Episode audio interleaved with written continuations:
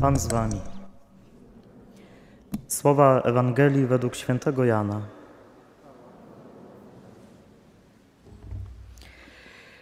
Jan stał wraz z dwoma swoimi uczniami i gdy zobaczył przechodzącego Jezusa, rzekł: Oto baranek Boży.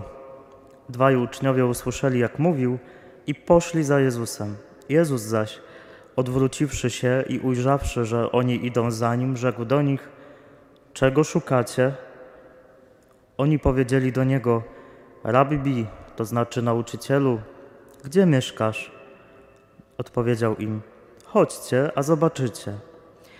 Poszli więc i zobaczyli, gdzie mieszka, i tego dnia pozostali u niego. Było to około godziny dziesiątej. Jednym z dwóch, którzy to usłyszeli od Jana i poszli za nim, był Andrzej, brat Szymona Piotra. Ten spotkał najpierw swego brata i rzekł do niego: Znaleźliśmy Mesjasza, to znaczy Chrystusa, i przyprowadził go do Jezusa. A Jezus, wejrzawszy na niego, powiedział: Ty jesteś Szymon, syn Jana. Ty będziesz nazywał się Kefas, to znaczy Piotr. Oto słowo Pańskie.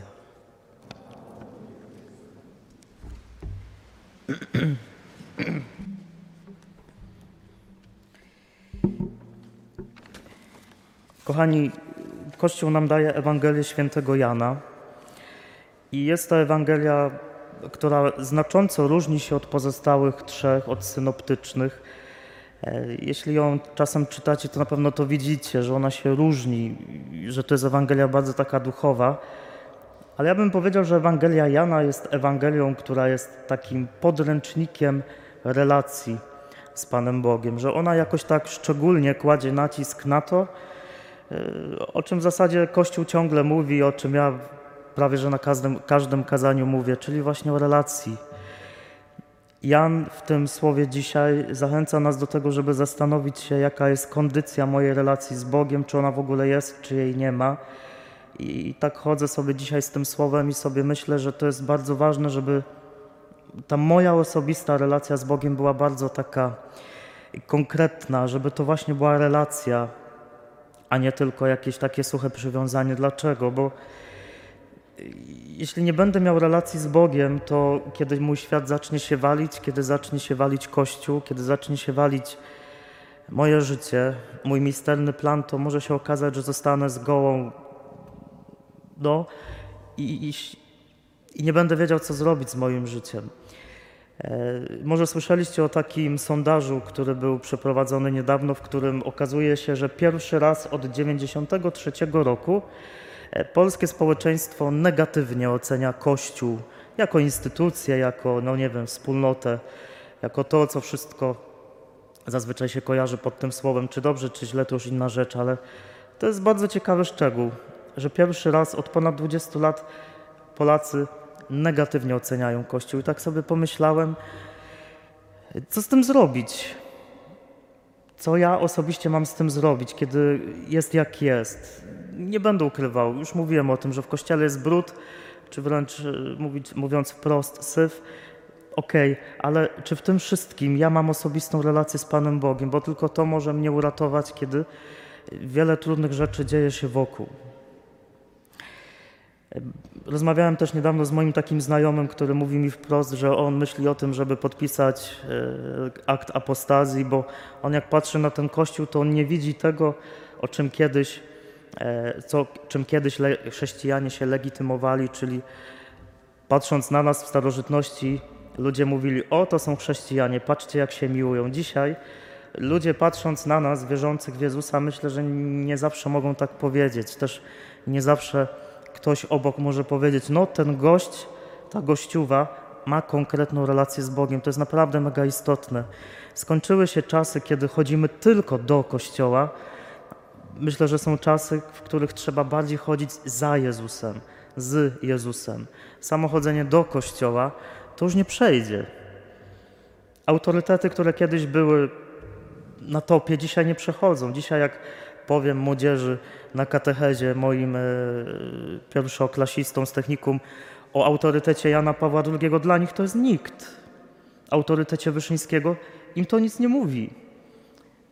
z szacunkiem do nich, ale nic im to nie mówi. Co dzisiaj może przemówić? Najbardziej moja relacja z Bogiem, która potem, daj Boże, będzie podparta jakimiś autorytetami, ale relacja z Bogiem. Więc e, pierwsza rzecz, jaką dzisiaj trzeba sobie zadać, pierwsze pytanie, to to, jak ta moja relacja z Bogiem wygląda. Czy ja chodzę tylko do kościoła, czy chodzę z Kościołem, czy chodzę z Jezusem. W tej Ewangelii dzisiaj, w tym słowie dzisiaj e, jest parę takich wskazówek, skoro to jest podręcznik relacji z Bogiem, to on daje konkretne wskazówki, co robić, czy o czym myśleć i dlaczego ta relacja jest mi potrzebna. I coś, co mnie dzisiaj bardzo dotyka pierwszego w tej e, perykopie, w tej opowieści o relacji z Bogiem, to jest to, co Jezus mówi do tych, którzy za nim idą. Jezus zadaje im dwa słowa. Pytanie w dwóch słowach. Czego szukacie? Jest bardzo konkretne pytanie. Jezus mi dzisiaj też mówi, czego ty szukasz w kościele, czego szukasz w relacji ze mną, dlaczego za mną łazisz, czego chcesz, za czym tęsknisz. I to jest bardzo konkretne pytanie, na które mogę sobie odpowiedzieć, czy ja w ogóle czegoś szukam, idąc za Bogiem, czy chodzę właśnie tylko do kościoła, a tak naprawdę już nie szukam tej osobistej relacji z Bogiem. Ale też to można rozciągnąć, to pytanie na całe życie i, i zadać sobie tak bardzo osobiście, czego ja w życiu w ogóle szukam. Za czym ja tęsknię, co jest w życiu tak naprawdę istotne. Czy ja w ogóle jestem kimś, kto szuka? Czy zadowalają mnie tylko proste odpowiedzi? Czy zadowala mnie to, że ksiądz na ambonie powie to i owo, a ja już y, się tym nasycę? Czy jednak jest we mnie ciągłe takie pragnienie, żeby szukać czegoś głębszego? Y, Frank napisał piękną książkę napisaną w czasach, w czasach Holokaustu Człowiek w poszukiwaniu sensu. No oni wtedy to naprawdę musieli nieźle szukać sensu, ale my też mamy swoje zmagania, też mamy swoje rozterki i ciągle szukamy tego czegoś więcej. Jezus zachęca cię do tego, żebyś zadawał sobie pytanie, czego szukasz w życiu? Czego pragniesz w życiu? Ksiądz Warowny pisze to pytanie, czego szukasz, jest to pytanie dotykające najgłębszych pokładów samoświadomości człowieka, jego oczekiwań skierowanych w stronę Boga, egzystencjalnego poznania prawdy o tym, kim jest wobec Stwórcy i jaka jest jego ludzka kondycja. Dobrą odpowiedzią na to pytanie jest odpowiedź szczera, nawet jeśli płynie ze słabego poznania siebie, jest pełna emocji. My idąc za Jezusem nie szukamy zawsze tylko Jezusa. Możemy szukać wygody, możemy szukać y, szybkiego pocieszenia, możemy szukać szybkiej ulgi. Na przykład w konfesjonale czasem nie. Idziemy tam nie po to, żeby znaleźć Jezusa, ale po to, żeby znaleźć szybką ulgę, bo zrzucę z siebie balast grzechów i super, i mam poczucie, no jestem fajniejszy. Ale pytanie, czy znalazłem w tym Jezusa? Czy ja chcę szukać Jezusa? Czy to, że idę dzisiaj na Eucharystię, to szukam Jezusa? Czy szukam ulgi tylko dlatego, że wypełniłem religijny obowiązek? Jakie są moje, moje pragnienia? Za czym tęsknię dzisiaj, w tej sytuacji, w której jestem teraz? Ja za czym innym tęsknię i czego innego szukam niż Ty?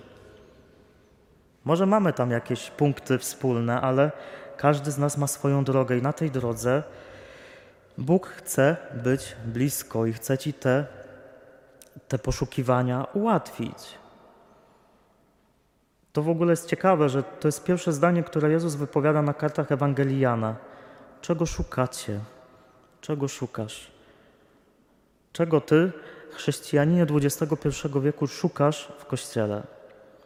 Jeśli szukasz świętości tylko, no to szczęść Boże. Jeśli szukasz idealnych księży, jeśli szukasz szybkiej ulgi zawsze i wszędzie, jeśli szukasz płytkiej religijności, jeśli szukasz, nie wiem czego tam jeszcze, bardzo jakiegoś takiego, czegoś z niskiego pułapu, to się zawiedziesz. I dalej. Zatrzymuje mnie w tym słowie jeszcze jedna rzecz. To, co Jezus mówi na końcu. Co mówi do Piotra? On mówi: Ty jesteś Szymon, a ty będziesz kiedyś tam Kefasem. To zdanie pokazuje, jak bardzo dynamiczną rzeczywistością jest wiara. To jest takie przechodzenie od jestem do będę. Od bycia jestem, Piotr, jestem Szymonem do bycia Piotrem. Popatrzcie, że w tej drodze dla tego chłopa od bycia Szymonem do bycia Piotrem Kefasem dużo czasu minęło i dużo doświadczeń musiał zebrać, żeby stać się skałą. To jest bardzo istotna rzecz. Pan Bóg nas zapraszając do relacji ze sobą nie liczy na to, że kiedy ja mu powiem tak, będę ułożony we wszystkim, że będę od razu skałą. Ja mu mogę mówić, dawać swoje wielkie y, deklaracje. Piotr też to robił. No ale co z tego? Ja mogę mówić, Kościół jest dla mnie ważny, Bóg jest dla mnie ważny, ale tak naprawdę jeszcze może minąć dużo czasu, zanim swoim życiem odkryję, zaświadczę, że tak jest. I znowu ksiądz e, Maciej. Chrystus zna po imieniu wszystkich przychodzących do Niego. Wie doskonale, jacy są. Nic się przed Nim nie może ukryć. Wie, czego może się spodziewać po człowieku i mówi o tym. Podstawą budowania relacji nauczyciel i uczeń jest dla Jezusa prawda o każdym człowieku. Każdego wzywa po imieniu, to znaczy stosownie do jego natury, w pełni akceptując to, jakim człowiek jest. Jak pokazuje chociażby historia Piotra, Jezus nie boi się słabości człowieka, bowiem najsłabszego może uczynić fundamentem, jeśli ten najsłabszy zechce być wierny we wszystkim Jezusowi. Natomiast odrzucenie prawdy o swoim grzechu i konieczności nawrócenia prowadzi do udaremnienia zamiarów Boga względem człowieka, czego przykładem są na przykład faryzeusze. Jezus, używając w rozmowie z Piotrem tych dwóch imion, on pokazuje, że znam Twoją tożsamość dzisiaj i wiem, żeś pierdoła, i wiem, żeś słaby, i wiem, że nieraz się na mnie wyprzesz, że mnie wystawisz, ale znam też to drugie imię, znam tę tożsamość, do której możesz dojść. Tożsamość skały. Tylko ważne, żebyś był w tym wierny. I to jest też coś, do czego Jezus mnie dzisiaj zachęca i Ciebie, żeby być wiernym, nawet jeśli sobie nie daje rady, nawet jeśli Kościół jest jaki jest, nawet jeśli w Kościele jest jak jest, nawet jeśli by całe społeczeństwo mówiło, że Jezus jest wariatem, że Kościół to jest jedynie brud, ja mam być wierny. I niech Cię, bracie, siostro, nie przerażają Twoje słabości. Może zanim staniesz się kefasem, to jeszcze minie dużo czasu. Nawet to jest bardzo istotne, to jest nawet o wiele ważniejsze, żeby swoje słabości mądrze przeżywać. Żeby się nie bać tego, co we mnie słabe, żeby nie uciekać od Jezusa, kiedy walnę o ziemię. Piotr nie uciekał. Piotr się nieraz przejechał na swoich wielkich deklaracjach, ale w końcu doszedł do czegoś prawdziwego. Relacja z Bogiem to jest coś, e, o co muszę dbać każdego dnia. No i jak to jest u mnie dzisiaj? Jak wygląda moja relacja z Jezusem? Ja jak sobie tak popatrzę na moją relację, jak ona wyglądała kiedyś, to powiem Wam, że te kilkanaście lat temu to szukałem kompletnie czegoś innego niż teraz, że kompletnie byłem innym człowiekiem niż teraz i, i coś, co widzę, to to, że jedynie wierność ma sens, wierność Jezusowi, nawet jeśli walnę o ziemię. A walnąłem już tyle razy, że o, jeszcze walnę pewnie. Trzymać się Jezusa, trzymać się mocno Jezusa. To są takie dwie myśli, które, daj Boże, jakoś Ci pomogą w relacji z Bogiem. Dbaj o to. Może przyjdzie czas, że będziesz jedyną osobą, która będzie szła za Jezusem. I może jedynie Twoja osoba, Twoje życie, Twoja relacja z Nim sprawi, że inni naokoło się zarażą Jezusem. Zarażą się pozytywnie. Zarażą się czymś, co w końcu ich wyrwie do czegoś dobrego. I jeszcze jedna myśl. E, to jak ważne jest, żeby też właśnie tak osobiście dbać o relacje z Bogiem, widać w księdze Samuela. Samuel jest sobie u Helego, Heli ma się nim opiekować, ma go uczyć relacji z Bogiem, ale ciekawe jest to, że właśnie w pewnym momencie Bóg sam się do Samuela odzywa i zaczyna do niego gadać. Czasem takim Helim może być Kościół i jest. Kościół jako instytucja, to mam na myśli, nie wiem, mądrzejszego księdza, jakiegoś lidera, y, udział w liturgii, ale są też takie momenty, kiedy ja mówię, Panie, mów, bo ja słucham. Mów do mnie dzisiaj, bo ja słucham, ja potrzebuję Cię usłyszeć. W tym, czego dzisiaj doświadczam, potrzebuję Cię usłyszeć. Nie księdza Krzysztofa, ale Ciebie potrzebuję usłyszeć. Co konkretnie mówisz mi, tylko nikt za Ciebie tego nie zrobi.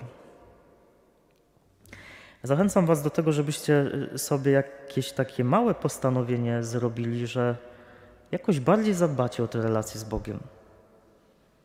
Bo na pewno tak jak i ja, tak i Wy, jeszcze możemy wiele więcej zrobić. Co zrobisz, żeby mieć więcej czasu dla Niego, żeby Go słuchać?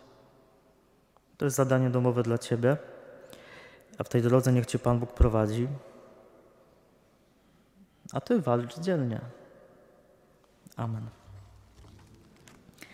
Proszę.